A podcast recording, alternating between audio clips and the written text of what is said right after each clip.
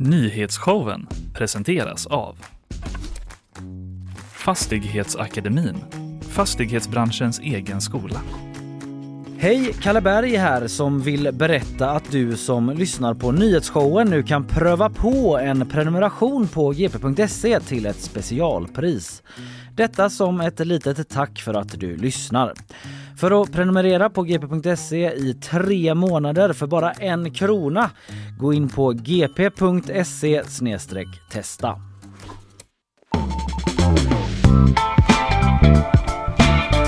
En onsdag vaknar vi upp till den 18 oktober.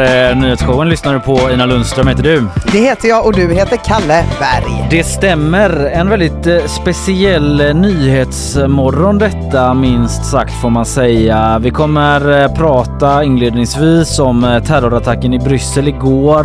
Vi ringer upp vår reporter Alexandra Turku som är på plats och pratar lite om stämningen i Bryssel idag men också vad vi fått reda på om den här misstänkte gärningsmannen då bland annat. Sen kommer jag även prata om sjukhusattacken i Gaza där minst 500 personer rapporteras vara döda. Dessutom, utöver det, så får vi besök idag av eh, Victoria Tryggvadotter Rolka. Hon är dagens gäst. Hon är ju skolansvarig politiker i Göteborg, socialdemokrat med ansvar för grundskolan då. Just det. Det är ju nämligen så att eh, Göteborgs budget kom igår. Och vi har ju pratat tidigare här om liksom krisen i skolan och nedskärningar och tjänster ska bort och det går eh, mot ett underskott på 60 miljoner för det går och sådär. Så vi ska prata med henne om, hon ser på, om hur hon ser på framtiden för Göteborgs skola. Sen har vi lite andra grejer Intressant. också. Ja. Du ska prata bland annat om... Jag ska prata om ett stort bastubråk i Östersund som skakar den svenska folksjälen. Mm. Eh, något lite mindre allvarligt i en ju ganska period med mycket allvarliga och tunga nyheter. Ja, det kan vi behöva. Lite Kanske. annat också. Ja, ett Det blivit- annat bråk. blivit en riksdebatt Det har blivit bastu. en riksdebatt. Ja, det har det blivit. Ja. Sen eh, har vi bakvagn också lite senare. Får vi se vad vi eh, hinner med där. Ja. Edvard Blom eh, aktuell bland annat. Edvard Blom är aktuell på sin digitala detox eh, till exempel. Ja, eh, det blir eh, lite det ena och det andra som ni hör. Eh, jag tänker att eh, vi kastar väl oss in i den här eh, nyhetsdagen eh, helt enkelt. Jag tror det är en sån man får möta heads on. Så gör vi.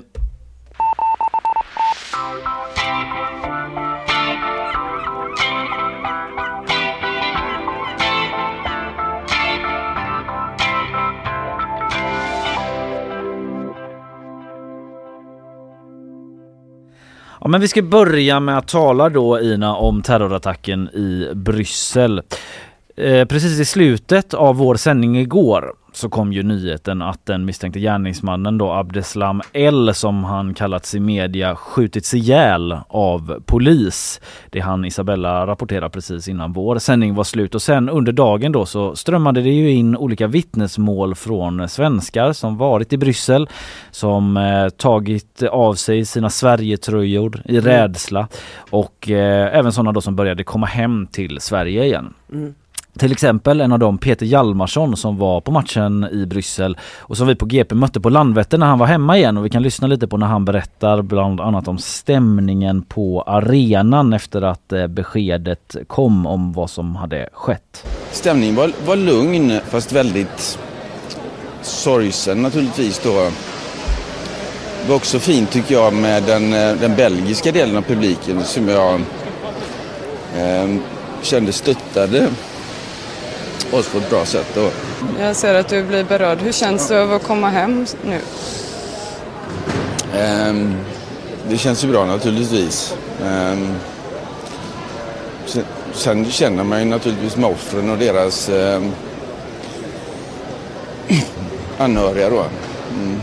Mm, väldigt omtumlande naturligtvis för alla som var där. Eh, vi kan också lyssna på Kjell Augustsson som SVT pratat med. Han såg den här skytten från den bussen han satt på. Han säger så här. När vi kom i våran buss så såg vi att det var en eh, man som eh, hoppade av en motorcykel eller moped. Och sen hörde vi bara att det small. väldigt nära bussen och sen såg vi att han sprang där med geväret och då sprang han så att säga från bussen och sen hörde vi att det small ytterligare och det var väl kanske några hundra meter längre bort från bussen. Vi hörde det första skottet och såg när han sprang med geväret. Men vi såg ju inte när han sköt eh, de här människorna så att säga, det såg vi inte. Mm, och UD bekräftade ju under dagen då att det är två svenska män som skjutits till döds. En man i 60-årsåldern och en i 70-årsåldern. Du kanske sett eh, filmklipp som har cirkulerat eller? Eh, ja, jag har sett en del. Mm. Jag har också liksom eh, varit lite osäker på vilka filmklipp som är officiella. Mm. Eh, för jag har mest sett via sociala medier då. Eh, Det är så jag alltid har, den osäkerheten. Ja, så jag har känt händelser. ganska snabbt att så här, jag vet inte om jag tittar på någonting som absolut ingen människa vill se, som inte borde spridas, jag har Mm. ingen aning liksom. Så eh, jag har ändå försökt gå via GP och andra så här, officiella nyhetskällor för att inte Ja, jag vet inte, det är ju dels liksom såklart för ens egen skull men det är också för offren, att Ja. man känner Ja. Nej, visst, det är en linje jag försöker hålla ganska Mm. mycket också ska jag säga. Under dagen i alla fall, eh, igår, så höll ju även statsminister Ulf Kristersson en presskonferens då för att adressera ytterligare detta som har skett och han sa att allt talar ju för att det här var en attack riktad mot Sverige och svenskar just för att de är svenskar. Det är svårt att ta in konsekvenserna, vidden av konsekvenserna av den här terrorattacken. Vi lever i en mörk tid, det har vi vetat nu under ett tag. Aldrig tidigare i modern tid har Sverige och svenska intressen varit under lika stort hot som just nu. Ja, och han pratade vidare om att Sverige nu måste värna om vårt öppna demokratiska samhälle, att det inte är vi som ska anpassa oss efter terrorister då. Samtidigt säger han så måste vi bli bättre på att skydda oss. Svenska liv och svenska intressen är utsatta för hot. Det här är en tid för mer säkerhet, för mer varsamhet, för mer vaksamhet. Vi får helt enkelt inte vara naiva. Sa statsminister Ulf Kristersson alltså. Och eh, samtidigt så kommer det allt fler detaljer då om den eh, utpekade terroristen Abdeslam L som han kallas. Så vi ska prata om det men om en del annat också med vår utsända på plats Alexandra Turku. God morgon Alexandra, är du med oss? Ja, god morgon. Hej! Jag ska se om jag kan höja din volym lite grann där bara. Du, eh, du eh, och fotograf Olof Olsson, ni kom ju till eh, Bryssel igår. Kan du berätta hur har stämningen varit under tiden ni varit där? Ja, precis. Igår när vi kom så var vi där eh, när det fortfarande pågick en insats där den här misstänkta gärningsmannen skulle ha skjutits av polisen. Eh, och det var, det var blandat på ett sätt för att eh, Eh, det var ju såklart väldigt mycket folk och det har ju varit runt alla de här platserna en stor uppsamling både av press och av vanliga människor. Eh, det är mycket poliser i hela Bryssel som går runt och ja, patrullerar gatorna. Men samtidigt så pågår ändå livet ganska mycket som vanligt. Alltså man ser mycket folk ute. Det är fortfarande barnfamiljer som till och med rör sig i de här områdena som det har hänt. Att det är inte så att livet har stannat upp. Just det. Vad eh, säger eh, Brysselbor och sådär som du pratat med? Där många är ju väldigt chockade över det som hänt och de fördömer ju handlingen eh, och uttrycker ett stort medlidande till Sverige och till framförallt också till familjerna, till de som har drabbats. Eh, det är flera också som har sagt att de tänkt mycket på de svenskar som satt på stadion och så. Eh, men sen är de, de är också oroliga över utvecklingen i, både i Bryssel som emellanåt beskrivs som en lite tuffare stad men också i världen. Det är många som tar upp ja, spänningar på olika platser eh, i världen just nu. Några nämner till exempel eh, det som händer i Israel och Palestina. Mm. Eh, och ja, alltså man är rädd att det här kanske ska få någon slags spridning eller ringar på vattnet. Eh, och att eh, Bryssel och framförallt det här området, Skarbäck som det hände i, att det ska stämplas som något så här ställe där alla eh, på något sätt höll med eller skulle stötta den här handlingen. För det, det har de varit väldigt tydliga med att så är det verkligen inte. Att vi, vi fördömer starkt det här som hänt. Mm. För Bryssel har väl fått någon sorts eh, rykte eller vad man ska säga om att det, fin- att det är en plats eh, där eh, radikaliserade människor har befunnit sig. Precis, och framförallt då det här området eh, där gärningspersonen eh, ska ha befunnit sig eh, har på senare tid fått ett rykte om sig just för att man har kunnat hitta terrorceller som har verkat i området och även haft kopplingar till andra dåd i Bryssel och Paris. Så då känner, det är många som har sagt alltså, dels när man har frågat om det så det första de har sagt att åh, alltså inte igen. Mm. Och det, det är ju en ja, stark reaktion på något sätt att de känner ändå att det här är någonting som har hänt förr men nu händer det igen. Men sen att de inte vill att eh, ja, att hela det här området och alla människorna där, dess invånare ska dras över en kam på något sätt. Men finns det sådana diskussioner om liksom åtgärder riktade mot det här området eller så? Eller finns det någon särskild anledning tror du att man eh, eh, att man är orolig för att man ska få någon slags kollektiv bestraffning eller är det mer som eh, hur, hur folk ser på en som folk fruktar tror du? Ja, jag tror ju att det kommer bli någonting som man diskuterar mer nu. Att liksom vad, för det har folk frågat också. Alltså hur, vad, vad hände här? Alltså, vart var säkerheten? Hur kunde det här missas? Eh, också för att det ska ha funnits uppgifter då om att den här personen... Det, dels fick den belgiska justitieministern redan 2016 uppgifter om att den här misstänkta gärningsmannen skulle ha radikaliserats. Så det är lite sånt som nu florerar också mycket i belgiska medier. Så att folk frågar lite, men ja, vad, vad hände liksom? Hur kunde, varför hade man inte bättre koll? Mm. Eh, och varför händer det här igen här? Alexandra, vad eh, kan vi säga hittills då om gärningsmannen? Den misstänkta, Mm. utpekade. Det, ja, den misstänkta, huvudmisstänkta är ju då en man som eh, kallas Ad Salam, eh, Salem. Och han har pekats ut som en man från Tunisien som även ska ha- eh, tros ha, eller ska ha kopplingar till Sverige. Bland annat genom att han ska ha suttit i fängelse i Sverige. Eh, sen eh, sökte han asyl i Belgien t- 2019 men fick avslag och eh, har vistats i landet illegalt sedan dess. Mm. Du, har- Eh, du hade pratat med någon eh, granne i området där? Ja, det hade jag. Eh, vi har pratat med flera grannar där i området eh, vart han sköts då. Det var några, pratade med några som inte visste alls vem det här var, som bara tyckte att det var eh, liksom hemskt, men att de ändå tyckte att det var bra att folk hade folk som hade känt igen honom hade liksom ringt in Mm. tipsen till polisen.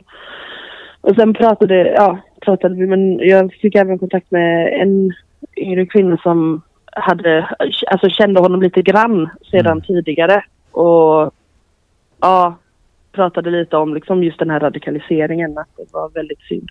Vad sa hon då?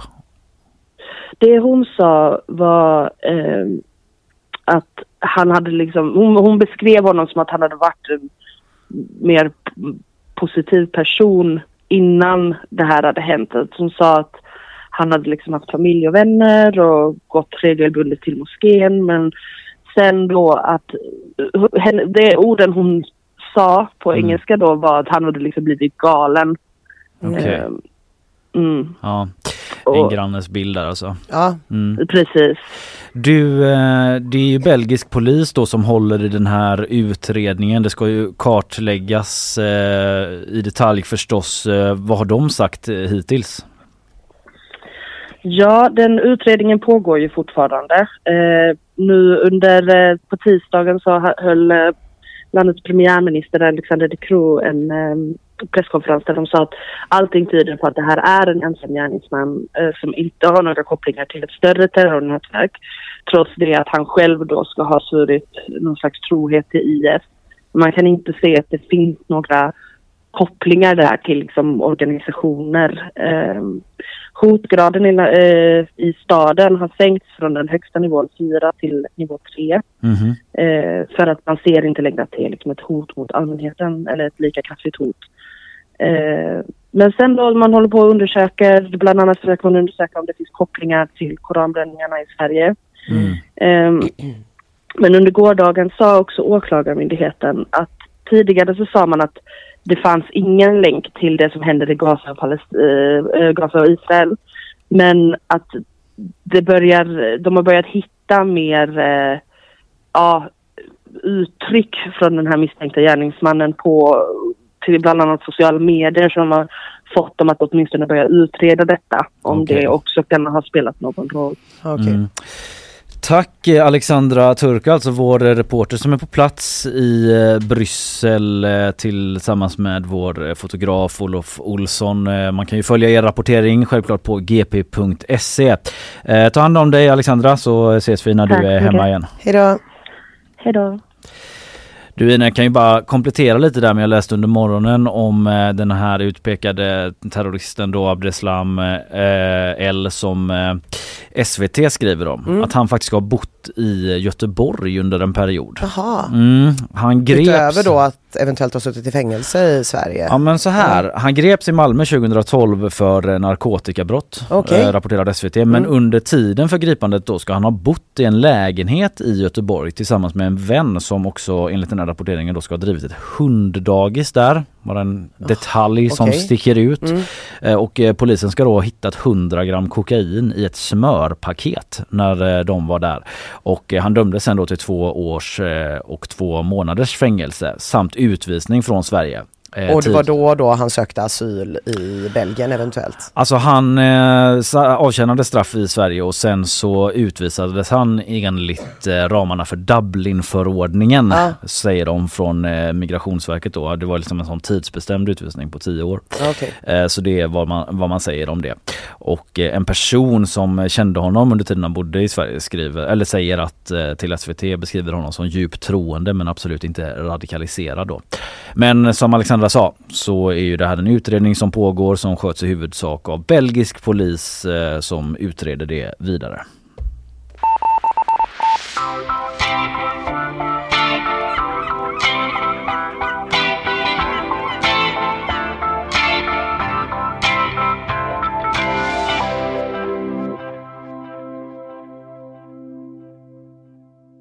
Vi ska ta ett sponsormeddelande innan vi är tillbaka med eh, nyhetssvep eh, och eh, en liten fördjupning om attacken mot ett sjukhus i Gaza som inträffade igår. Häng kvar!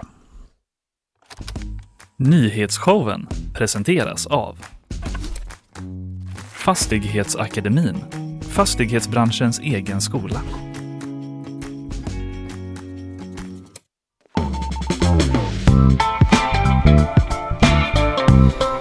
Ska ta oss en eh, liten eh, utblick då eh, i eh, nyhetsflödet eh, den här eh, morgonen och det gör vi med hjälp av dig Elin Georgsson. God morgon Elin! Hej God Elin! morgon, god morgon.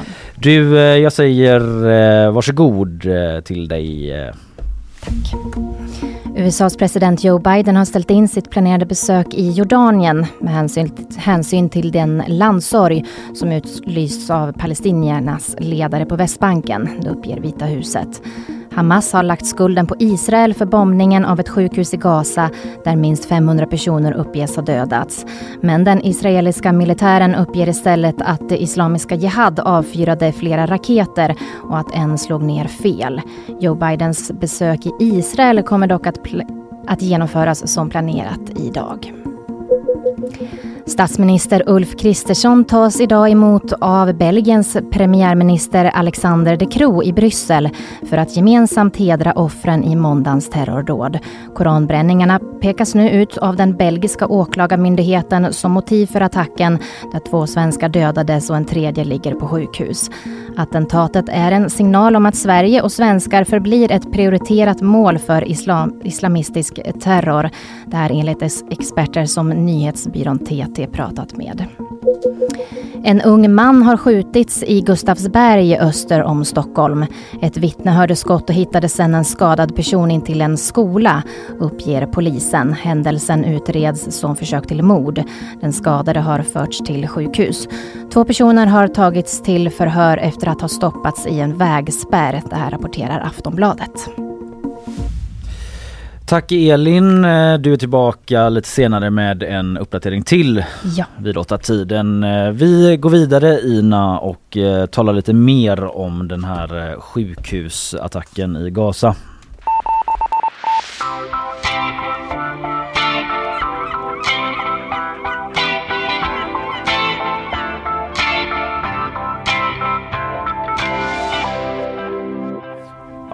Du hörde ju Elin berätta om det där Mm. Ina. I stora drag då. Över 500 personer uppges ha dödats i ett luftanfall mot ett sjukhus i Gaza då.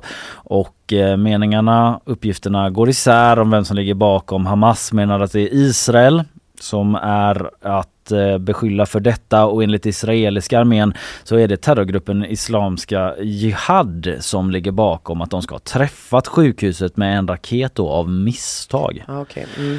En talesperson för israeliska armén säger att de inom kort kommer att presentera bevis för det här. Men det har de ännu inte gjort Nej. om vad jag har sett innan vi gick in i sändning här. Och det är ju i nuläget omöjligt att säga säkert då från vad vi står eh, vem som ligger bakom detta. Men eh, det man kan konstatera är i alla fall att ett stort antal civila har dött. Eh, folk som vårdats på det här sjukhuset, folk som också sökt, sökt skydd på och i närheten av det här sjukhuset. Och eh, det är ju liksom svårt att greppa greppa hela förödelsen. Det kommer en del fruktansvärda bilder därifrån med förtvivlade människor som liksom tar hand om eh, döda kroppar. Eh, och eh, vi får ju såklart återkomma till detta om mer detaljer men det man kan konstatera är att det har brutit ut protester då på flera platser över hela Mellanöstern egentligen Okej. efter den här händelsen. Till exempel i Libanon så fick polis skingra folkmassor med tårgas efter en demonstration där i en by utanför USAs ambassad rapporterade The Guardian. Och eh, terrorgruppen Hizbollah i Libanon har utropat onsdagen, alltså idag då, till en dag av vrede utan motstycke. Och man eh, beskyller Israel Ja. eh, för attacken, skriver nyhetsbyrån Reuters. Och Joe Biden kommer då inte till Jordanien men väl till, väl till Israel i alla fall. Mm. Det stämmer ja. Under onsdagen idag alltså så ska han besöka Israel och Tel Aviv och eh, ha samtal med Israels premiärminister Benjamin Netanyahu. Och eh, han skulle då som du säger åkt eh, till Jordanien men man ställde in det toppmötet. Eh, Jordaniens utrikesminister säger att det är på grund av sjukhusattacken Mm. och att det inte finns några skäl att prata om något annat nu Nej. än att stoppa kriget. Eh, andra internationella röster om det här. Eh, vi kan ta generalsekreteraren för FN, Antonio Guterres. Han säger att han är förfärad och han uppmanar eh, Israel att omedelbart tillåta humanitär hjälp då. Att släppa in Mm. det i eh, norra Gaza, i Gaza överhuvudtaget. Det är ju en eh, parallell alla parallell, men det är ju en pågående situation det med Ja. i hur man eh, gör för att eh, hjälpa nödställda civila då i Gaza. Och han uppmanade samtidigt att eh, Hamas ska släppa gisslan Mm. som man tagit då eh, vid tillfället då man genomförde sin attack Mm. som blev startskottet för hela den här händelseutvecklingen. De släppte ju filmer på de här gisslan eh, Ja, nu här alldeles nyligen också. Och enligt eh, flera bedömare så eh, tror man ju då liksom att oavsett vad som framkommer i skuldfrågan kring detta så kommer det eskalera situationen. Och det är ju någonting som vi såklart följer på gp.se men det är väl det man kan säga i nuläget Ja. om eh, det här skeendet. Eh, vi sätter punkt där eh, så länge. ja.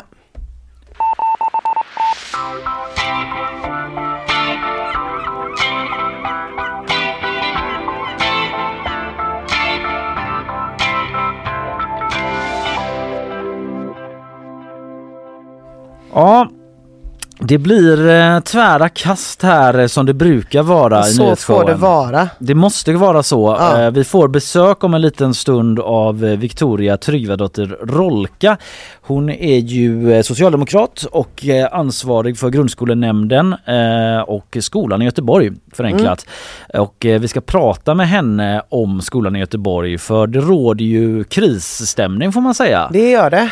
Det- Jag var, ja, jag var ja. på föräldramöte igår. Det var det första som togs upp var nedskärningarna. Ja, Så det att var det. det. är ju någonting som, ja, och har man barn som går i skolan och är talföra Mm. så, så berättar de ju eh, saker. Så det känns som att det, det är det alla pratar om i Det är stan. väldigt angeläget. Det är 500 tjänster som ska bort och det är ett Mm. underskott på 60 miljoner i år och igår kom eh, det rödgröna styrets budget då där man eh, lånar pengar från de kommunala bolagen typ och tar ur sparade pengar, Ja. ur ladorna så att säga. eh, För att täcka underskottet och eh, köper sig lite tid på så sätt. Vi ska prata med Victoria Tryggvadotter Rolka om detta. Eh, Vi kommer också prata om, det är en eh, nästan obehaglig slump men att hon var i Bryssel i förrgår Oj, under eh, det här eh, terrorattentatet oj. eh, visade sig. Eh, så häng kvar, eh, vi pratar med henne om en liten, liten stund. Nyhetsshowen presenteras av Fastighetsakademin, fastighetsbranschens egen skola.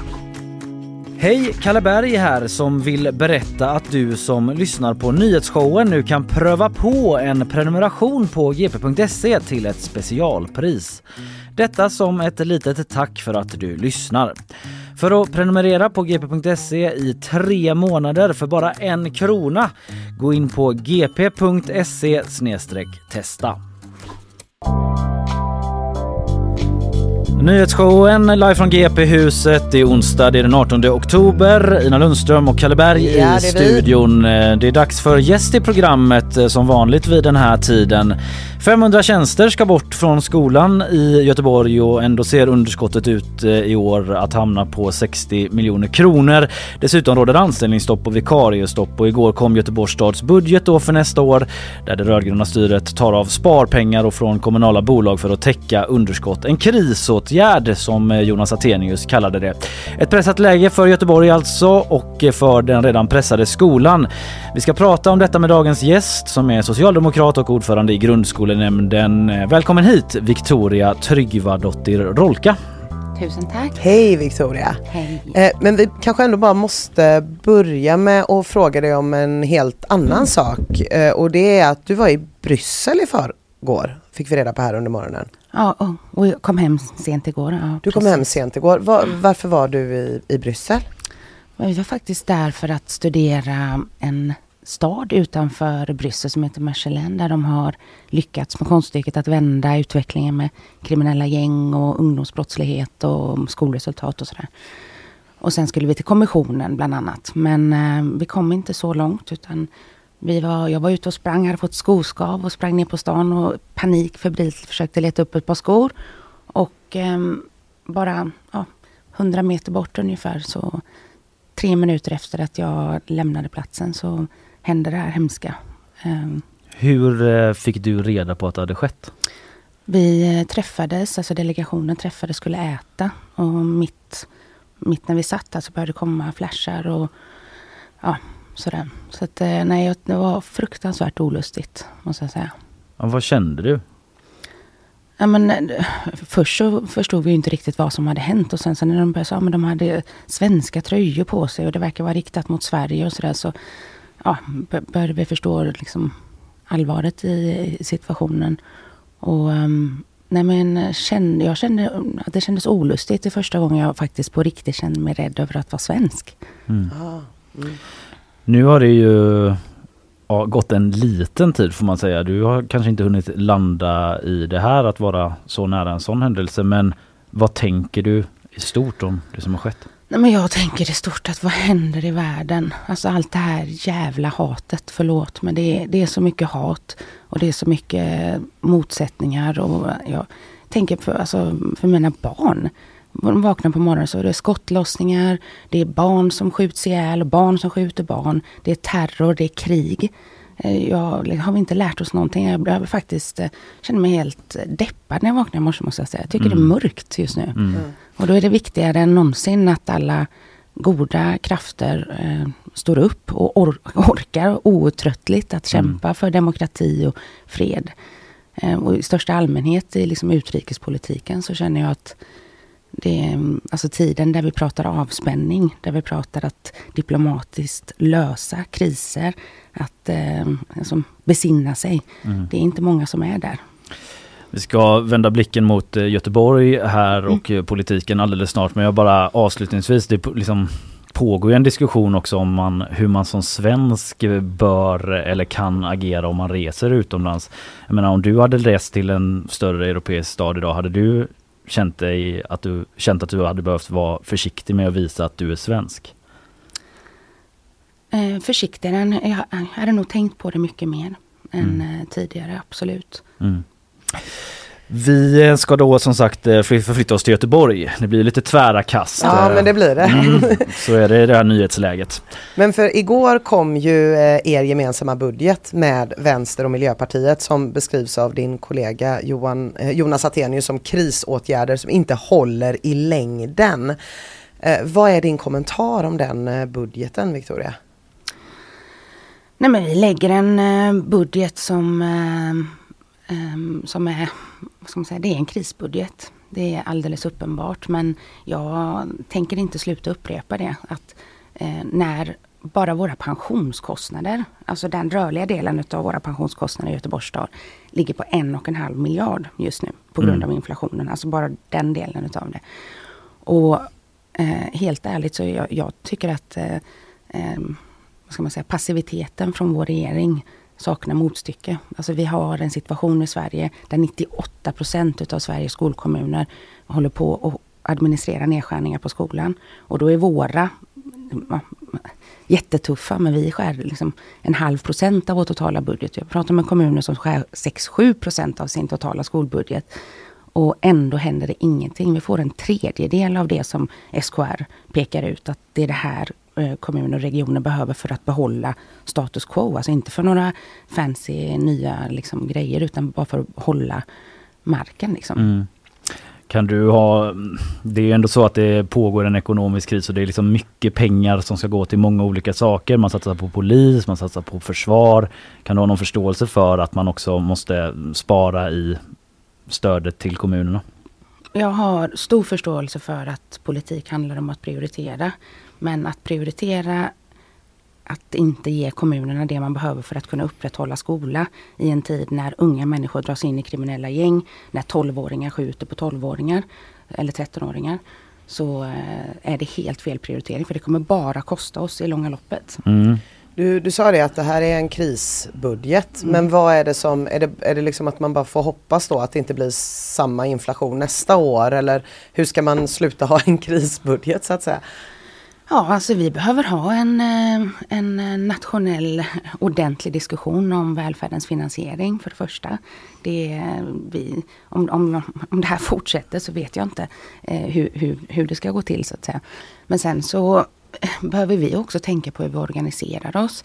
Hur, alltså vi, vi verkar på en skolmarknad. Och vi, till exempel vi som kommunal skola, vi bygger fullmåttshallar som är våra gympasalar exempelvis. För vi tycker mm. det är jätteviktigt att föreningslivet har någonstans att vara. Vi har Gotia Cup och vi har allt möjliga, möjligt viktigt. Men man ska vara jäkligt säker på att eh, Academedia bygger inga fullmåttshallar för att tjäna göteborgarnas behov. Men ändå så ger vi dem full kompensation för exakt det vi lägger på skola. Mm.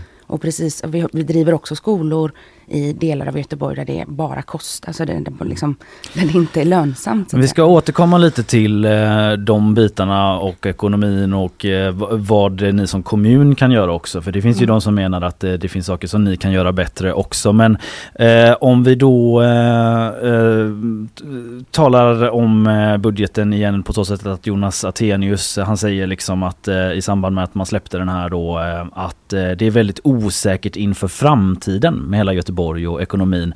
Och eh, du då som ansvarig för skolan, eh, vad tänker du om framtiden för Göteborgs skolor? Hur allvarlig är den situationen?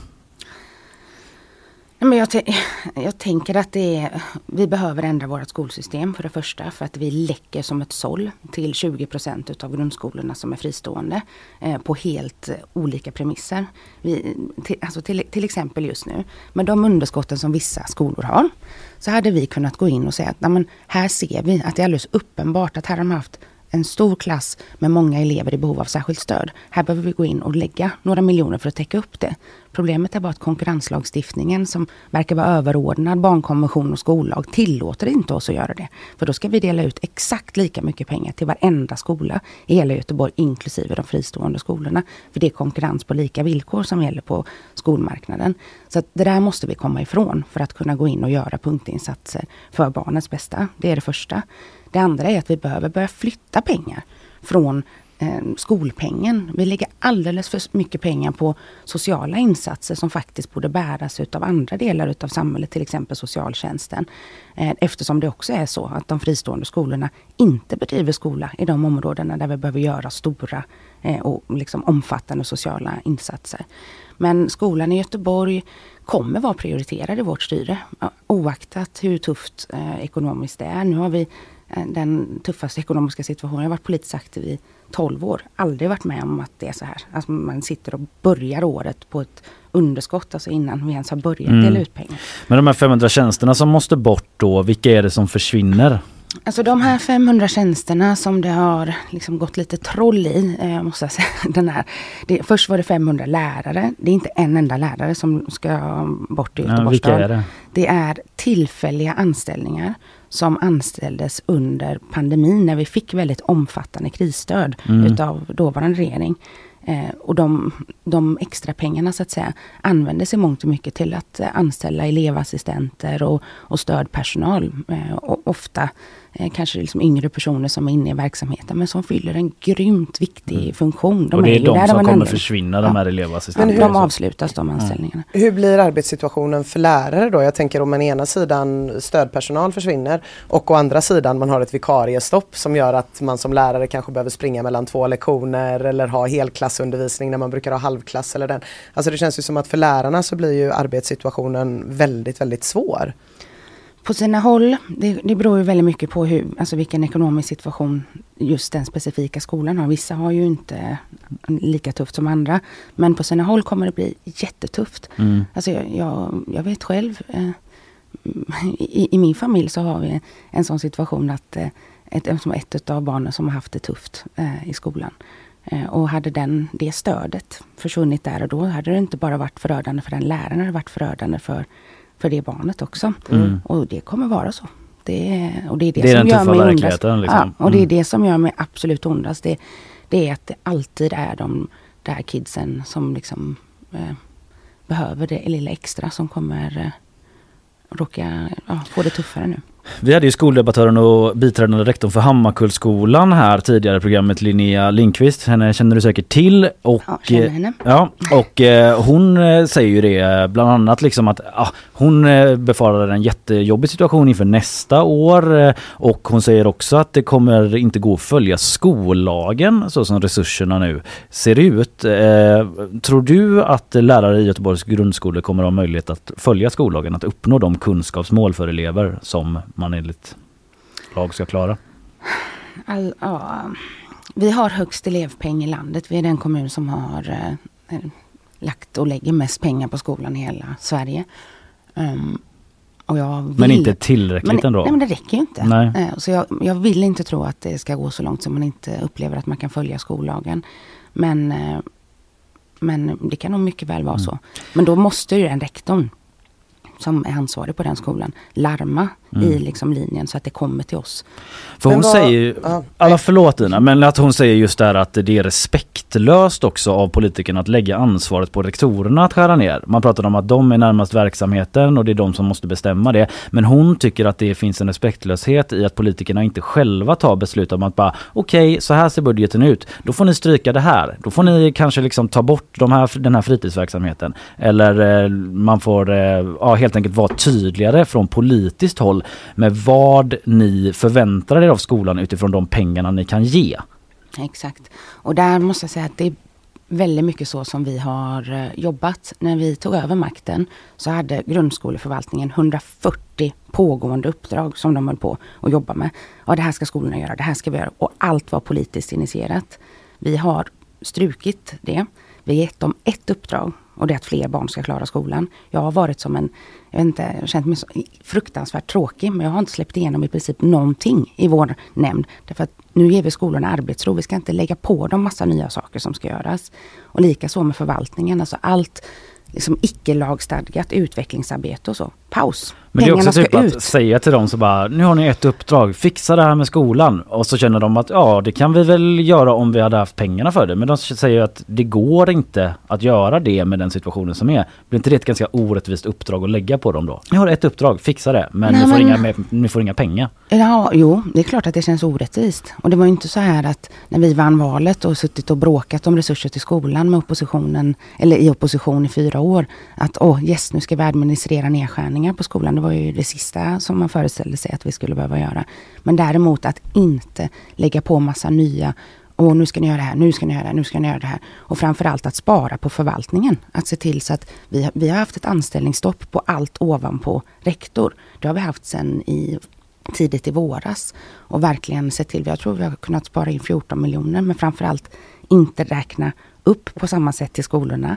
Eh, och sen se till så att det som sker liksom uppe på övergripande nivå, det ska minskas för att komma ut i elevpengen. Mm. Och det har vi ändå lyckats med eftersom vi har högst elevpeng i landet. Men som sagt, det räcker inte. Och upplevelsen för rektorerna när man måste göra sig av med just de där tillfälliga anställningarna och de personerna som har betytt så mycket för att få verksamheten att gå ihop. Jag fattar att det känns skit. Mm. Verkligen. Men sen så är det ju, vi har en skollag som inte vi som kommun förfogar över. Men vad tycker du då? Ska man sänka ambitionerna i svensk skola? Nej, jag tycker att regeringen ska ge oss krisstöd så att vi tar oss igenom 2024 och sen 2025 så om inflationen då eh, har blivit bättre, vilket alla som kan något om det här säger, så eh, ska vi återgå till att satsa på att bygga upp svenska skolan och så ska vi också se till att riva det här marknadssystemet så att vi faktiskt har någon som helst rimlig chans att fördela pengarna rättvist. Men eh, är inte det jobbigt att ha ditt jobb då? Om det så mycket handlar om, jo, men om så mycket handlar om att det inte går att göra om man inte får de pengarna man behöver från, från regeringen. Jag kan säga att ja, det är nog, eh, alltså vill man bli en omtyckt politiker och så här, så ska man aldrig hålla på med skola. Det är det första. Men framförallt inte i vårt skolsystem. Men jag, jag inbillar mig ändå att det sättet som jag försöker att styra, så att det handlar om vad som händer i klassrummet, det handlar om att få ut resurserna. Det handlar om att, att eh, verkligen bygga ett samhälle och murar kring de barnen som har det tufft och som är utsatta. Mm jag måste ändå tro på att det går. Men det finns ju ändå saker en kommun kan göra för att flytta sina pengar och eh, påverka sin egen ekonomi. Eh, Ni har inte velat höja kommunalskatten till exempel. Varför inte då? Det finns inget parlamentariskt stöd i Göteborg för att göra det. Men eh, har, har ni liksom drivit på och försökt övertala folk ännu mer? Vill ni göra det själva? Från Socialdemokraterna? Alltså, den platta kommunalskatten som slår lika hårt mot en ensamstående mamma som mot en mångmiljonär i Hovås. Ärligt talat så är det den absolut sämsta skatten att höja när människor redan är väldigt fattiga. Vi får rapport på rapport att um, liksom, föräldrar får inte ihop sin ekonomi. Vi har för första gången hittat en, liksom, en ny grupp i, som är arbetande fattiga. Alltså människor som arbetar heltid men ändå måste få stöd för att klara men jag tänker, kan man inte göra andra insatser då? Om man höjer skatten på ett sätt. Jag menar, det kom en nyhet häromdagen att eh, ni ger, ger tusen spänn till folk som jobbar inom kommun och tjänar 25 000 eller mindre. Att man kan rikta andra insatser mot de som har det sämst och samtidigt höja skatten då och få in ett större underlag. Alltså, mig behöver du inte övertyga om skattehöjningar. Det, jag tycker att vi hade behövt höja en rad skatter i Sverige. Men eh, det finns inte parlamentariskt stöd för det. Men har ni verkligen, eh, om, ni, om du verkligen, eh, om man inte behöver övertala dig om Mm. det. Har ni haft långa möten med de andra partierna? Har ni liksom gjort allt vad ni kan? Vänt på varje sten för att försöka få till det här då? Ifall det är liksom en av de få grejerna som finns i er verktygslåda, så som det låter på dig. Vi har haft mycket samtal kring skattesatsen, ja. Mm. Så du skyller då på oppositionen att de inte... Nej, jag skyller inte på dem. Eh, jag säger det är ett faktum att eh, de borgerliga partierna vill inte höja skatten och vi fattas ett mandat i fullmäktige. Så att skattesatsen har liksom inte funnits med som ett av våra verktyg i verktygslådan. Vi kan inte gå fram med en budget som bygger på en skattesats som sen faller. För då har vi en låtsasbudget. Mm. Jonas Attenius säger att det inte faller, för att Centerpartiet då som eh, ni har stöd av för att ens få majoritet i kommunen, eh, de vill ju inte höja skatterna då till exempel. Men eh, när Jonas Attenius fick frågan ifall eh, det handlar om det med Centerpartiet så säger han att nej det är inte det det handlar om, att vi vill skydda de som tjänar minst, en platt skatt slår mot, eh, hårt mot lågavlönade. Ja det du säger, men han menar liksom att det har inte med oppositionen att göra då utan det har liksom med eh, ett eh, beslut som ni själva har tagit. Mm. Det, det men nog... där, går det, där går meningarna isär mellan dig och Jonas Attenius? Nej, de, de går nog inte isär. Fast, nej, men i du grund, säger ju nej, att du nej, nej, vill. men i, i grunden så, så eh, tycker nog både jag och Jonas Attenius att det är väldigt problematiskt att höja den platta skatten. Men eh, jag tror i en sån här kris som vi nu går igenom så tror jag att det hade funnits stöd hos göteborgarna att men, nu höjer vi eh, skatten med några, några öre här för att säkra skolan eller säkra välfärden. Så tror jag inte att någon hade haft särskilt mycket emot det. Det tror jag inte Jonas heller har. Men som sagt, det finns inte, det alternativet är liksom, det finns inte i Göteborg just nu. Nej, men om man hade frågat dig så hade man gjort det. Så hade man gjort det, nej. Eller om, om, om, om, vi hade haft, eh, om vi inte hade haft eh, fattats ett mandat så hade det absolut varit ett, ett alternativ för att säkra välfärden just nu. Ja, för dig men inte för Jonas Attenius då tydligen. Ja, det, det, ja, jag vet inte. Nej. Eh, Okej, eh, så med det. Vi ehm, eh, ska se vart vi hamnar nu här då. Men eh, jag tänker eh, det här med att eh, du eh, pratade om att staten behöver skjuta till mer pengar och de har inte skjutit till så mycket som ni behöver. Nu har ni liksom eh, gjort den här krisbudgeten och skapat er eh, ett eh, utrymme då eller skjutit upp eh, eh, större kris med ett år. Vad gör ni nu under tiden då? Under det här året som ni köpte köpt er så att säga? Um, nej men, vi kommer ju få fortsätta jobba på. Vi ska spara, Eh, vi försöker fortsätta att flytta pengar från administration och byråkrati och, eh, till de som jobbar längst ut i linjen. Eh, fortsätta att prioritera arbetet med eh, eh, de sociala insatserna som Göteborg så väl behöver.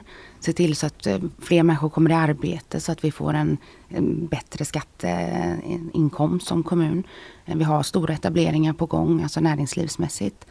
Eh, Vi har eh, ja, mycket, mycket, mycket som ändå talar för att mycket går åt rätt håll eh, ändå.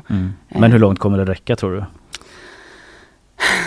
Ja, eh, jag vill tro att den här ekonomiska krisen vi är uppe i, att den eh, ska börja vända till 2025.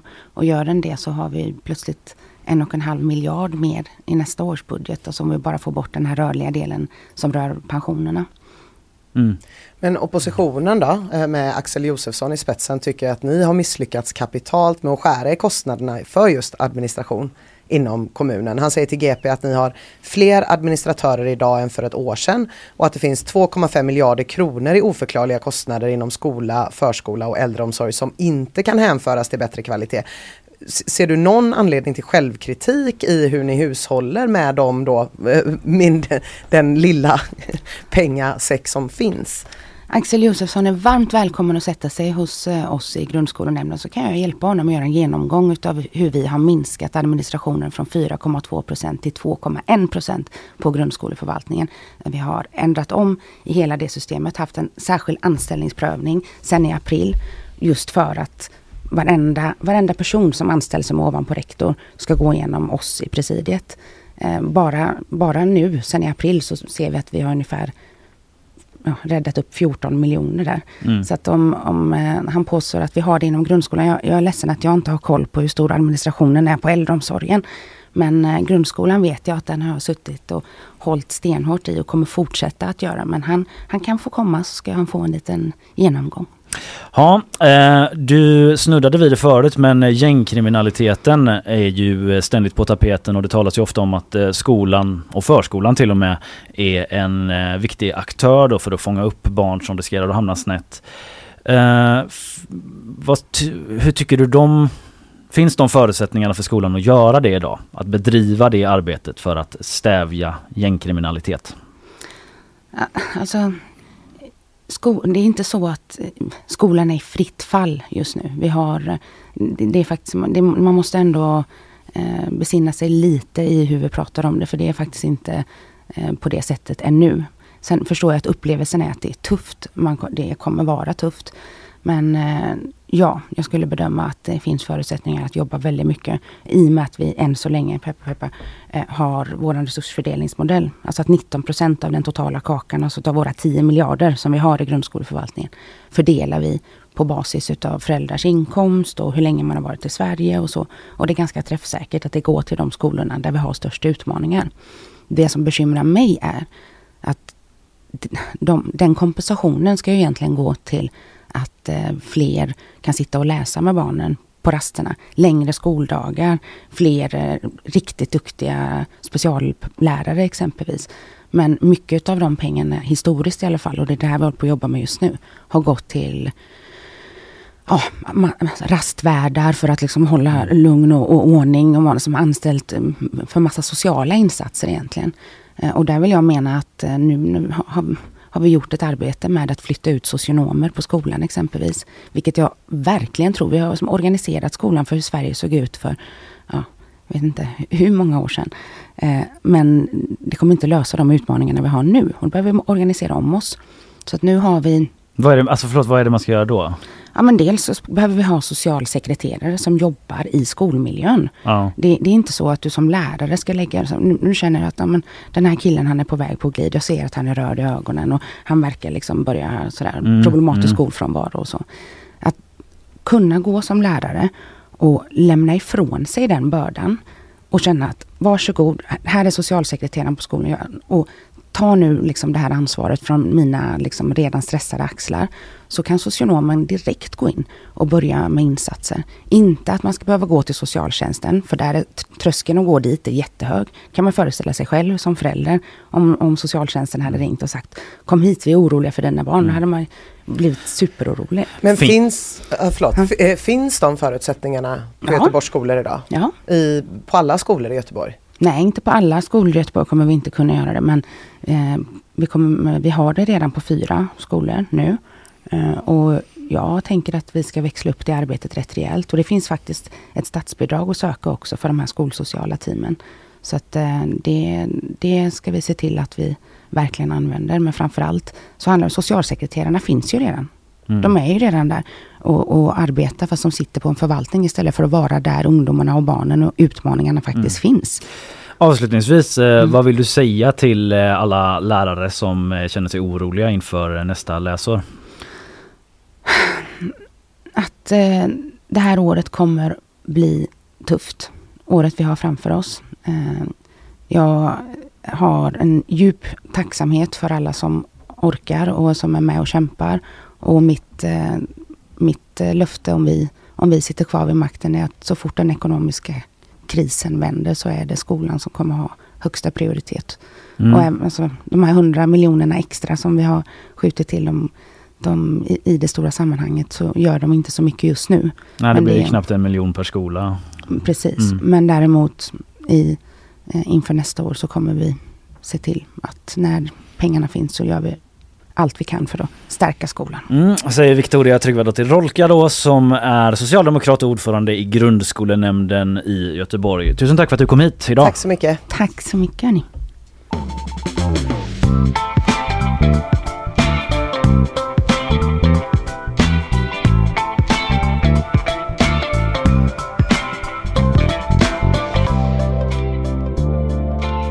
Ja, Victoria Tryggvadottir Rolka, skolansvarig här från politiskt håll i stan har lämnat studion och då har vi eh, släppt fram till mikrofonen vår eh, politikreporter Arne Larsson som har suttit och lyssnat på vår intervju med henne. Spontana intryck först eh, Arne.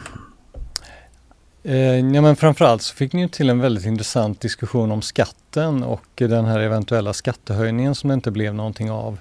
Eh, där kändes det ju lite som att eh, Victoria Tryggvadottir-Rolka eh, hade en lite annan inställning än Jonas Attenius, i alla fall det han har förmedlat till oss när vi har pratat med honom om det. Eh, han har ju hänvisat till att de inte ville höja skatten i år eh, och sagt då att det skulle slå för mycket på de som tjänar för lite. Eh, Tryggvadottir-Rolka lät ju som att hon faktiskt ville höja skatten ändå men att det föll på det här med att de inte kunde få stöd för det i kommunfullmäktige. Mm. Ja, där, eh, ja, det lät eh, som En de... liten spricka där Ja. kanske. Mm. Eh, Jag tänker också då eh, det hon pratar om ju, återkommer till hela tiden är ju det här att de behöver mer stöd från regeringen, statliga bidrag och så. Hur mycket ligger i kommunens egna händer? Mm. Ja, men det här är ju eh, knepig materia kan man ju säga. Det, det de hänvisar till är att Sveriges kommuner och regioner har räknat fram då att eh, hur mycket kommuner och regioner borde ha för att man ska kunna behålla samma nivå som förra året. Och det som saknas är 12 miljarder för hela landet, för alla kommuner, alla regioner. Och när de presenterade budgeten igår så frågade jag hur mycket menar ni att Göteborg har fått för lite? Eh, och då sa de, ja men kanske en miljard då eftersom vi är ungefär 10% av de totala, alltså kommunerna och regionerna. Eh, och då är det ju så här att eh, genom att ta, eh, kräva väldigt stor utdelning av de kommunala bolagen, Mm.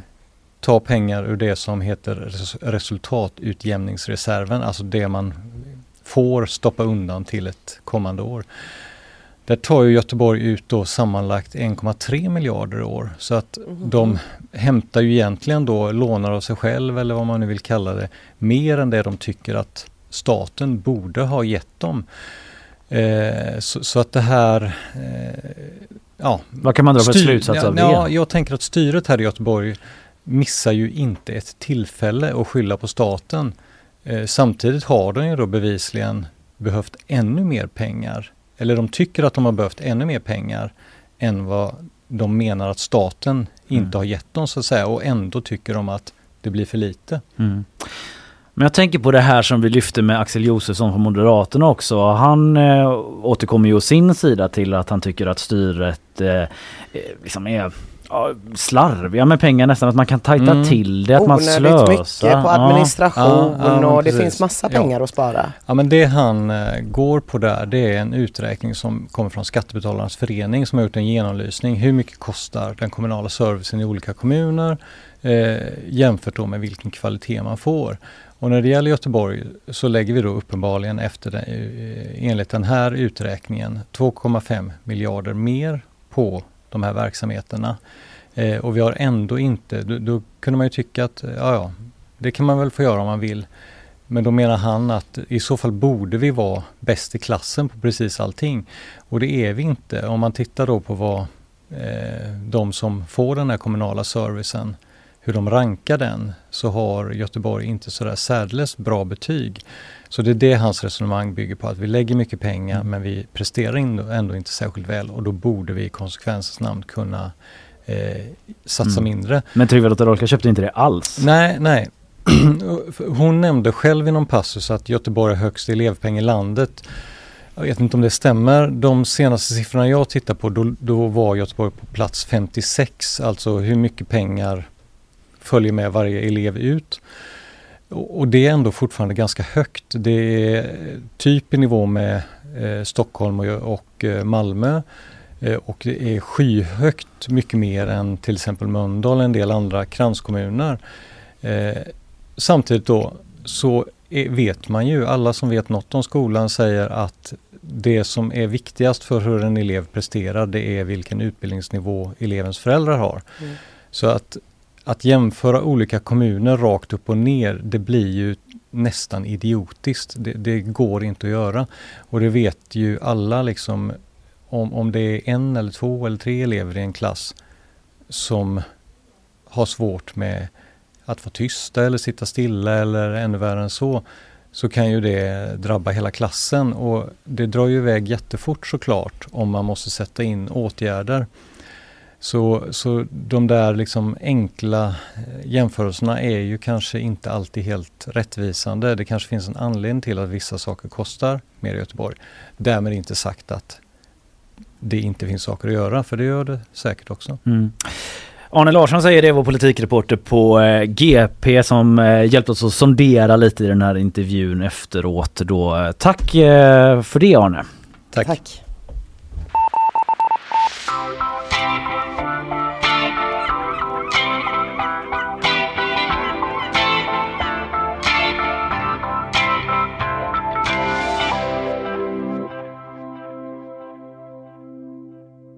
Ja, eh, vi ska lyssna på våra sponsorer nu. Eh, Mm. De kommer här. Nyhetsshowen presenteras av Fastighetsakademin, fastighetsbranschens egen skola.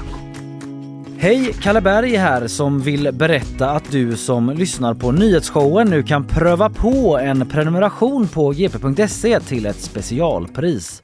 Detta som ett litet tack för att du lyssnar.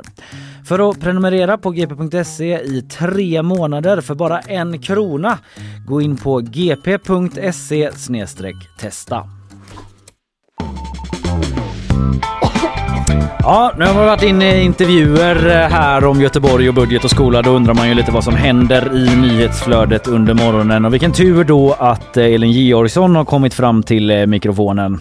Du Elin, varsågod att ta vid. Ja, USAs president Joe Bidens planerade besök i Jordanien har ställts in efter bombningen av ett sjukhus i Gaza. Beslutet fattades efter samtal med Jordaniens kung och av hänsyn till den landsorg som utlysts av palestiniernas ledare på Västbanken, det uppger Vita huset. Statsminister Ulf Kristersson tas idag emot av Belgiens premiärminister i Bryssel för att gemensamt hedra offren i måndagens terrordåd. Koranbränningarna pekas nu ut av den belgiska åklagarmyndigheten som motiv för attacken. Den utpekade terroristen ska ha bott i Göteborg. I en dom som GP tagit del av framgår att en då 34-årig man dömdes till fängelse för grovt narkotikabrott. Och enligt flera medier, svenska medier så rör det sig om den misstänkte gärningsmannen. En man i 20-årsåldern har skjutits i Gustavsberg öster om Stockholm i natt. Ett vittne hörde skott och hittade sedan en skadad person intill en skola. Två personer har tagits till förhör, rapporterar Aftonbladet. Regeringens utredare nationalekonomen John Hassler presenterar idag sin rapport om hur Sveriges klimatpolitik bör utvecklas baserat på EUs nya klimatlagstiftning Fit for 55. Igår rapporterades, sen rapporten ska ha läckts ut, att utredningen föreslår att alla Sveriges nationella klimatmål omarbetas. Men i ett mejl till GP tillbakavisar regeringen de här uppgifterna. Utredningen presenteras idag klockan 14. Det går nu att boka tågbiljetter med SJ med avgång mellan den 10 december och ända fram till påsk. Men från och med februari så försvinner alternativet med den så kallade ombokningsbara biljetten då SJ byter bokningssystem. Alternativen blir istället återbetalningsbar och ej återbetalningsbar biljett. Tack Elin. Oj, oj, oj. Det snurrar i mitt huvud av omboknings och återbetalnings... Nej! Vad är det här? Hur kommer det påverka mig? Förlåt, det har varit väldigt mycket andra viktiga nyheter idag. Jag menade bara, plötsligt blev det close to home. Ja, verkligen. Tack Elin. Eh, Vi ska vidare med lite fler. eh, Alltså, Ja. Det är skönt för oss nu tänker jag att Ja, bryta upp med någonting måste, annat. nu måste vi bryta med något annat. Jag känner verkligen det och du ska få göra det Ina.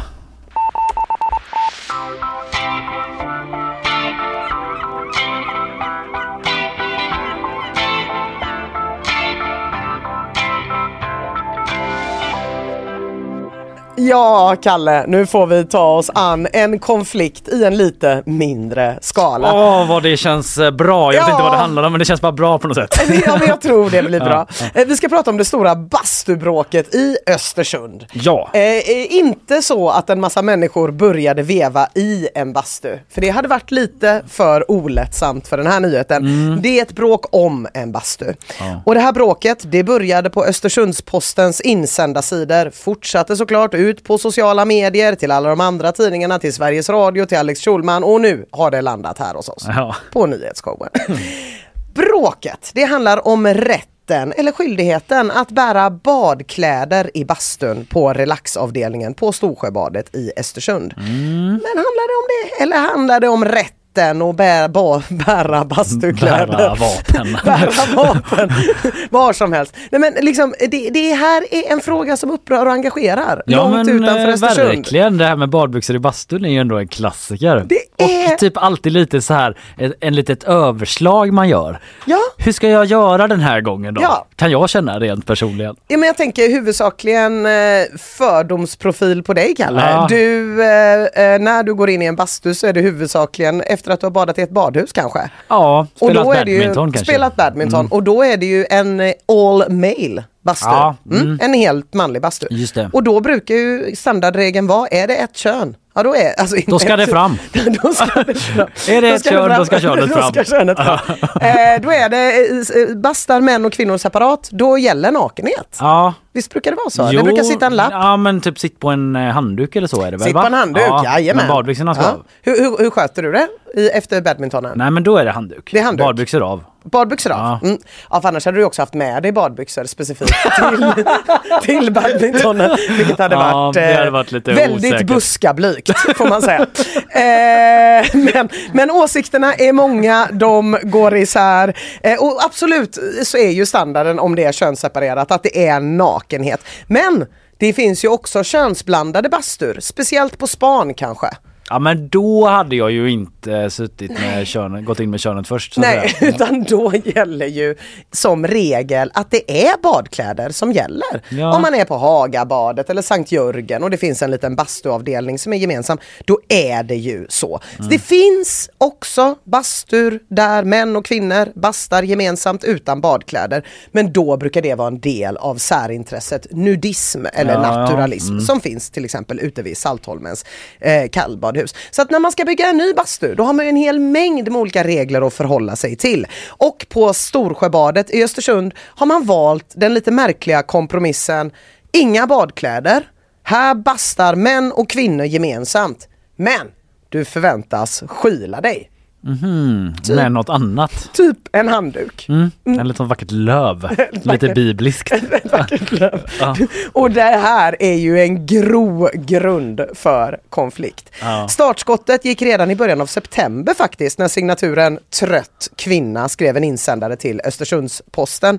Insändaren hade rubriken Bedrövlig miljö på Storsjöbadets relaxavdelning och i den skriver Trött kvinna Har man en baddräkt på, har man en baddräkt på, då snackas det om att man borde portas och äldre män skriker på en under vad man trodde skulle vara en trevlig stund på relaxen. Jag sitter och skriker alltså. Av med baddräkten, visa pattarna. Det skriver hon inte, men det, det, ja. Det är andemeningen, Andemeningen. eventuellt. Andemeningen. Och sen fortsätter hon. Miljön som Storsjöbadet har skapat har gjort att vuxna män känner sig bekväma med att kommentera kvinnors kroppar negativt samt följa efter dem in i en bastu endast för att skrika på dem angående baddräkten. Det är väl ingen miljö man vill Det är väl ingen i. relaxavdelning. Nej, det är faktiskt inte relax. Det är väl mer som i Game of Thrones när de går med sådana bjällror bakom det. Cersei och skriker shame, shame, shame, shame, shame. Ja. Inte alls relaxigt. Men hon har ju gjort lite rätt då, trött kvinna. Hon har skylt sig, men också kardinalfelet, skylt sig med en baddräkt. I samma nummer av tidningen som den här insändaren publicerades så lät man Storsjöbadet komma till tals. Snyggt tycker jag. Svaret är skrivet av enhetschefen på badet Martin Gruvelgård och någonstans får man känslan att han inte fick svin lång tid på sig att slipa på sitt svar, gå igenom det med sin PR-avdelning. Det innehåller några formuleringar som kanske snarare höjer temperaturen i debatten. När han ska berätta om vilka orsaker man har till badklädesförbudet då börjar han med hygienaspekten och vi kommer till det här lite senare. Men redan punkt två på listan lyder en annan anledning är komforten för besökaren. Många upplever badkläder som obekväma i en bastu. Och det här blir ju svårt att tolka då för att om det hade varit upp till var och en att avgöra om det är badkläder på sig själva som är obekväma då hade det ju varit en sak. Då hade ju regeln varit du som tycker det är obekvämt med badkläder, eh, du får jättegärna basta utan. Utan man kan ju endast tolka det här som att vissa upplever badkläder på andra människor Ja, som obekväma obekvämt. för deras bastu. det, att man har sån hög empati att Ja, man känner, känner andras känslor själv. Jag märker hur småbyxan skär in. Ja. Oj vad det skär. Men du är naken. Jo vet men, Men du dig. har ögon också. Och tredje punkten på eh, på eh, Gruvelgårds eh, lista hänvisar till bastukultur och det är om möjligt ännu luddigare än punkt två.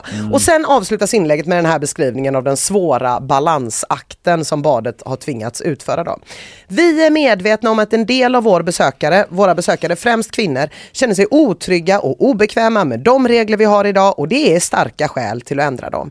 Men vi måste också ställa det mot många andra besökare som skulle bli besvikna om vi gjorde det. Det är också lite lite olyckligt formulerat. Det låter liksom som att ett gäng fluktare inte ska få bli besvikna och Ja. därför sätter agendan. Tänk på de här visa pattarna. Tänk på de här visapattarna, de blir så besvikna. Eh, och det var inte bara jag som tyckte det här var lite märkligt utan tre dagar senare kunde man läsa artikeln “Jag utmålas för att ta männens parti” i ÖP. Där säger Gruvelgård “Några har fått för sig att folk går omkring nakna och viftar med snoppen. Så är det ju inte.” Och då påpekar han att man får ju varken ha badkläder men man får ju inte heller vara helnaken. Man ska vira in sig i en handduk. Ja. Några dagar senare kommer signaturen Relaxdiggar-tanten med insändan Det är en fröjd att sitta i bastun där hon skriver På relaxen är det lugnt och fridfullt. Jag hör inga trakasserier, glåpord eller andra oegentligheter. Hon skriver också att hon aldrig någonsin har sett någon sen, äh, sitta naken i Nähä. bastun. Lite av en pick me girl där, men okej vi går vidare. Några dagar efter det kommer insändaren Ingen basta naken, alla har handduk från signaturen Trött man. Och han tycker liksom att det är, är det så jävla mycket begärt då. Ta av baddräkten, byt den mot en handduk för att inte utsätta de andra i bastun för klåda och andningsbesvär. Och nu kanske vi är något på spåren som inte är så jävla luddigt, nämligen hygienfrågan och frågan om farliga gaser. För det finns några riktiga skäl till att man uppmanas att inte ha på sig badkläder i bastun. Eller det finns typ det. Det ena man brukar säga det är att bakterier, de samlas ju i badkläderna och sen flyttas de till bastubänken. Mm, ja, det. Äh, äckligt, äckligt. Eller så är det för sig så att bakterier samlas i bastubänken, förflyttar sig till badkläderna, till slut hamnar i bas- bassängen. Jag vet inte. Nej, Också äckligt. inte- Bäh. Men båda de här scenarierna kan man ju undvika genom att sitta på en handduk. Eh, Det spelar ingen roll om du har badkläder på dig eller inte. Nej, just det. Nej. För handduk, ja just det. Ja. Då får man bara inte lägga den handduken på andra ändan. Nej precis, sen, man kanske kan ha en tvåfärgad handduk. Ja, Skulle det. det. kunna vara Eller två någonting? handdukar. Eller två handdukar. Eh, sitter man naken utan handduk, vilket jag har sett människor göra och det tycker jag är äckligt, då tror jag att alla kan enas om att det finns bakterier även i liksom, eh, ja, röv och Ja, men det är väl det omkringliggande- värsta sättet Ja men nästan, det spontant. tycker jag. Jag, jag. jag tycker också det. Jag, jag tycker egentligen att vi skulle kunna klara oss med den regeln. Hur du än är klädd, sitt på en handduk. Det är toppen. Mm. Så det är fortfarande inget jättestarkt argument vi har. Men nu kommer ju den och räddar oss. Kloraminen. Du hör ju, det är inga bra grejer. Du hörde på namnet. Kloramin. Nej, det är inget jag skulle liksom dricka utan att fråga vad Eller det är. Vill du ha en hälsosmoothie med kloramin? Ja, det vet jag inte. Det vet jag inte. Så nu blir det lite vetenskap. Det blir väldigt, väldigt lite och det kommer gå väldigt, väldigt snabbt. Kloraminer, vad är det? Så här säger Arbetsmiljöverket då som har undersökt det här. När klor reagerar med föroreningar i bassängvattnet då bildas hälsovådliga kloraminer i luften. Ja, Mm. okej. Och vilka är de här föreningarna då? Ja, alltså nu har jag ju försökt vara lite populärvetenskaplig för det gick så dåligt när jag försökte vara på riktigt vetenskaplig när vi pratade om fysikpriset här för någon vecka sedan. Så nu blir det lite enkelt. Eh, eh, de här då eh, föroreningarna, det är kvävehaltiga ämnen som, håll i dig, hudflagor, urin, svett och saliv. Av mig populärt förklarat, förkortat till HUS. Ja, Huss. Hudflagor, ja. Mm, ja, HUS. Huss. Ja, Jag försöker få svung i det. Ja, men det är bra. Eh, och det är den där lukten som man förknippar med badhus när det luktar klor. Den känner man bara om det är smuts i poolen. Jaha, Så det är då den uppstår då. När med- husset ja, med är med huss, liksom. med huss, precis. Eh, men det gäller ju inte bara bassängen utan det gäller en själv med. Så här säger Ronny Donander som är biträdande platschef på Vattnets hus i Ängelholm. Om du luktar klor när du går upp i bassängen så är det för att du inte har varit tillräckligt ren när du gick ner i bassängen. För att kloret fastnar bara på smuts. Makes you think Makes ändå. you Man har väl luktat think. klor Ja, några gånger. man. Och då har man inte tvättat sig ordentligt. Jag vill bara säga att det här var från en intervju i P4 tidigare i år om Ja. ett helt annat bastubråk som vi inte ska gå in på. Ja. Men den där lukten då, det är trikloramin och det är en giftig gas. Forskare har hittat ett samband mellan trikloramin och astma men då får man hänga jävligt mycket på badhus. Det är i princip bara en arbetsmiljöfråga för badhuspersonal. Ja, ja. Men om man då sätter sig i bastun med en baddräkt man har badat i poolen med, tar med sig klorvattnet in, då kan det också skapas trikloramin. Vi lyssnar på Roni igen. Ungefär samma sak gäller det att sitta i bastun med badkläder för att det bildar klorgaser dina badkläder har ju klor i sig och bildar klor. Och det är faktiskt rätt så farligt att inandas i större mängd naturligtvis. Så att det är därför. Ja, alltså hon svävar lite på målet här, man fattar inte exakt varför det blir klorgas, hur mycket som behövs, men det blir det i alla fall. Och jag har inte hittat någon bra, exempel, liksom någon bra förklaring på exakt hur vad det är som händer. det är, nej, nej, hur farligt är det? Några säger att det är så här, värmen gör att kloret förångas. Andra säger att det beror på klä- kloret i kläderna som liksom sipprar ner i bastuplankorna. Och bastuplankorna, de är ju förstås impregnerade i de kvävehaltiga Ja, ämnena. Kommer du ihåg vad vi också. kallar dem, Kalle? Huss. Huss, hudflagor, urin, svett och saliv.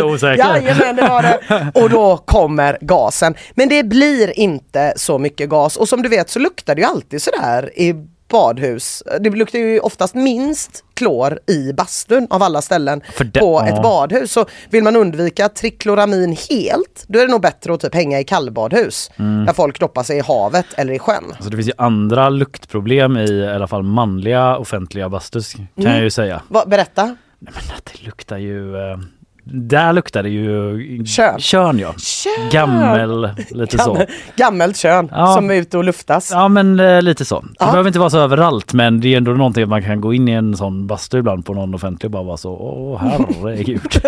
Vad där? Det minns jag från när jag var liten mer från typ så olika badhus när man var med skolan. Skitsamma. Ja, nej men, nej, men det, det, det, det är ändå relevant för jag tror faktiskt också, det är ett litet sidospår eh, som vi inte hinner gå in på så mycket, men jag tror att den manliga bastuupplevelsen och den kvinnliga bast- bastuupplevelsen skiljer sig ganska mycket åt. Ja, Eh, väl- De flesta kvinnor går in rätt avslappnat i ett rum tillsammans med andra nakna kvinnor medan väldigt många män, särskilt yngre män, inte Mm. är så jävla avslappnade Nej. i ett rum med äldre män. Det finns en eh, macho-attityd eh, i samhället. som- finns det. Eh, Och den visar ju sig till exempel då i att när man är på kallbadhus, där man badar i hav eller sjö, där finns det ingen trikloramin. Det borde egentligen inte finnas någon anledning överhuvudtaget till att man inte får ha på sig småbyxorna. Men där är hetsen större än någonsin om att man ändå absolut inte får ha badkläder på sig. Så det där med hygien, trikloramin, astma och huss. Det verkar inte vara det viktiga trots allt. Utan det är bastukultur Mm, som mm. spökar här. Folk blir så upprörda av en liten insändare i en liten tidning och hela Sverige börjar hytta med näven åt varann under några höstveckor. För bastukultur, det har något typ religiöst över Mm. sig.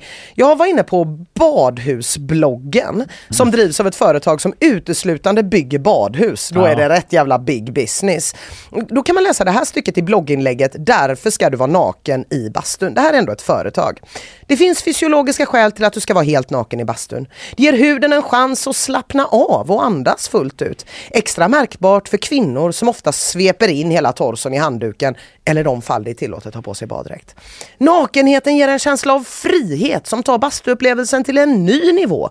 Att vara naken i bastun gör också att vi öppnar oss för varandra mentalt och själsligt. Ingenting döljer vilka vi är. Allt syns, både det vackra och eventuella skavanker.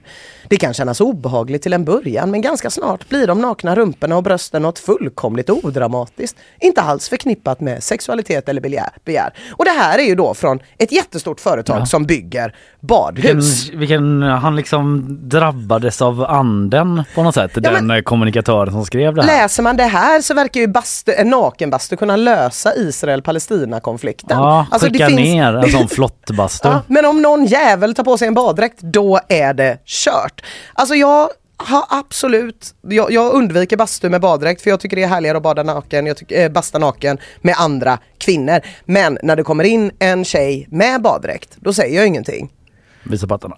Det säger jag inte. Nej. Men om alfahonan Ja. som sitter högst upp på den coolaste bänken himlar med ögonen mot mig, då himlar jag med ögonen tillbaks. I samförstånd. Det är äta eller bli äten.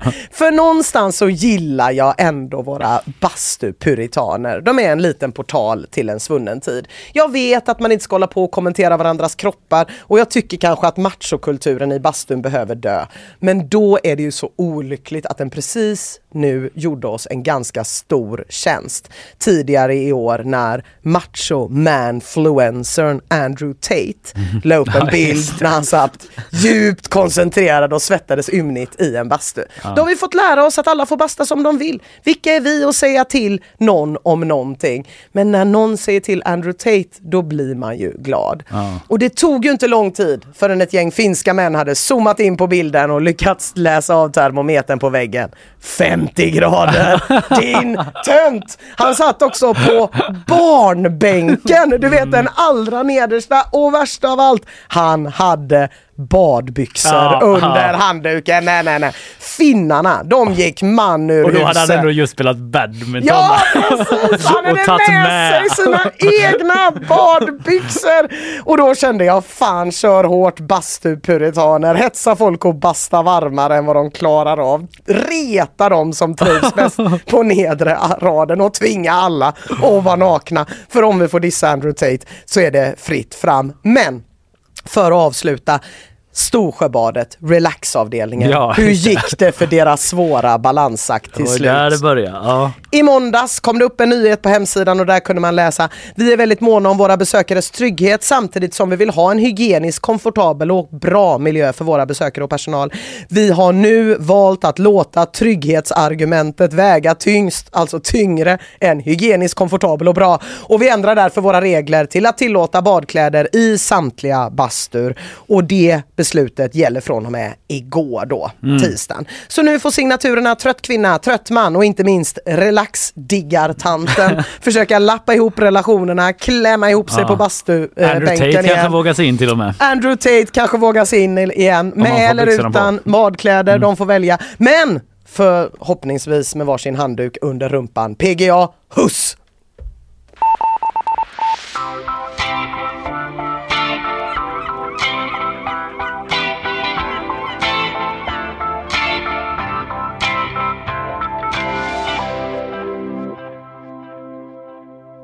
Hur ligger det till med elräkningen där hemma, Kalle? Ehm, Vad betalar du i månaden? eh, Jag vet inte. Nej men säg ungefär. Men gud, det är typ lite pinsamt att jag inte vet det. För jag är nog liksom, ja men, ja, men jag, jag vet inte, vad kan jag ha? Är det så 300 någonting? Mellan säger- 300 och 400? Ja, vi säger 350 då. Ja. Eh, om den hade ökat plötsligt med eh, 50%, 175 kronor, helt plötsligt hoppat upp till sådär 475. Mm. Hade du hajat till då? Ja, men det hade jag ju. Det hade du. Men Mm. hade du gjort något? Nej, jag hade Nej. väl bara börjat gnälla då liksom. Ja, ja, ja. I somras så var det en man i Lund som märkte att hans elräkning hade blivit 50% dyrare. Mm. Och han gjorde väl som du antar jag. Tänkte, ja ja, allt blir dyrare. Någonting, Varför någonting. jag? Varför händer dåliga saker mot bra personer och så vidare? Exakt så tänkte han Ja. nog. Och någonting, någonting, Ukraina, fan vad dyrt allt är. Ja. Någonting, någonting. Mm. Men i september då gjorde han mer än att haja till och gnälla för då hade hans elräkning gått upp med 300 procent. Oj då. Alltså tredubblats. Vad hade du gjort om din tre... Då- är vi uppe på strax över tusenlappen plötsligt dimper ner. Då hade jag ju ringt mitt eh, el, eh, min elleverantör och frågat vad frågat om och eh, kanske försökt byta ändå. Ja, ja. ja, men rimligt. Om det gick, om jag hittar något bättre. Det gjorde inte den här mannen i Lund utan han började kolla igenom radhuset efter anledningar. Varför i helvete har det blivit så dyrt? Och vad hittade han i, sin, i sitt förråd? En förlängningssladd. Och vart ledde den? Till grannen. Nej. Jo då, jo då. Så är det. Så Fan, eh, grannen är nu polisanmäld, riskerar böter eller fängelse i upp till ett år. Han har liksom kan få. slingat el Han från har grannen. slingat el från grannen. Och sen i somras uppenbarligen. Men sen så verkar det ju som att det har gått upp och upp och upp och upp, upp. Du vet hur det är. Man börjar med att stjäla en liten silvernål. Mm. Till slut laddar man liksom Teslan, kör airfryer. Man undrar om det går liksom till fem, 15 olika sådana fördelardoser så att han Ja. har pluggat in... eh, Ja för det eller tycker jag är lite, ja eller hon. För det är det jag tycker är lite spännande här. 300 procent, det betyder Det alltså att ingen hon. grannen, det är ingen hon, det är ingen hon. Att grannen har använt tre gånger så mycket el Ja. som personen som betalade för elen. ja, just det. Den Ja. har liksom ändå unnat sig då. Ja, jag vet inte hur man skulle ens kunna öka sin elräkning med tredubbla den. Nej. Vad gör den här grannen då för att, eh, ja, vad driver den där hemma för olika saker? Men Ja. kanske är någon elbil? Det kanske är någon elbil. Det kanske. måste ju dra rätt mycket el. Ja, någonting är det ju. jag. Ja. Ja. jo, nej, men det måste det göra. Men eh, och kan man ladda den med ett vanligt vägguttag? Jag vet inte. Jag undrar också, det- och det här, inget av det här framkommer i vare sig Sydsvenskans artikel eller någon annanstans. Men jag är jävligt nyfiken på hur grannen fick till att koppla in. Var han över på mingel? Ja. Var det grannmingel? Var det under en städdag? Som han sa, jag hämtar krattan i ditt garage. Ja. Halar ut en förlängningssladd. Ja, någon typ av scheme, alltså Ja. planering och så vidare måste ju ha skett nästan. Eller hur? Ja. Jag hoppas på en P3-dokumentär. Ja. Eh, jag är osäker på om det kommer bli någon. P4 fram till, dokumentär. Mm. P4-dokumentär. Men fram tills dess får vi nog säga att kontentan är att ja, allt blir dyrare, Ukraina, Ukraina, någonting. Men om räkningarna helt plötsligt tredubblas, då ska man nog ställa några kontrollfrågor innan man håller fram plånboken.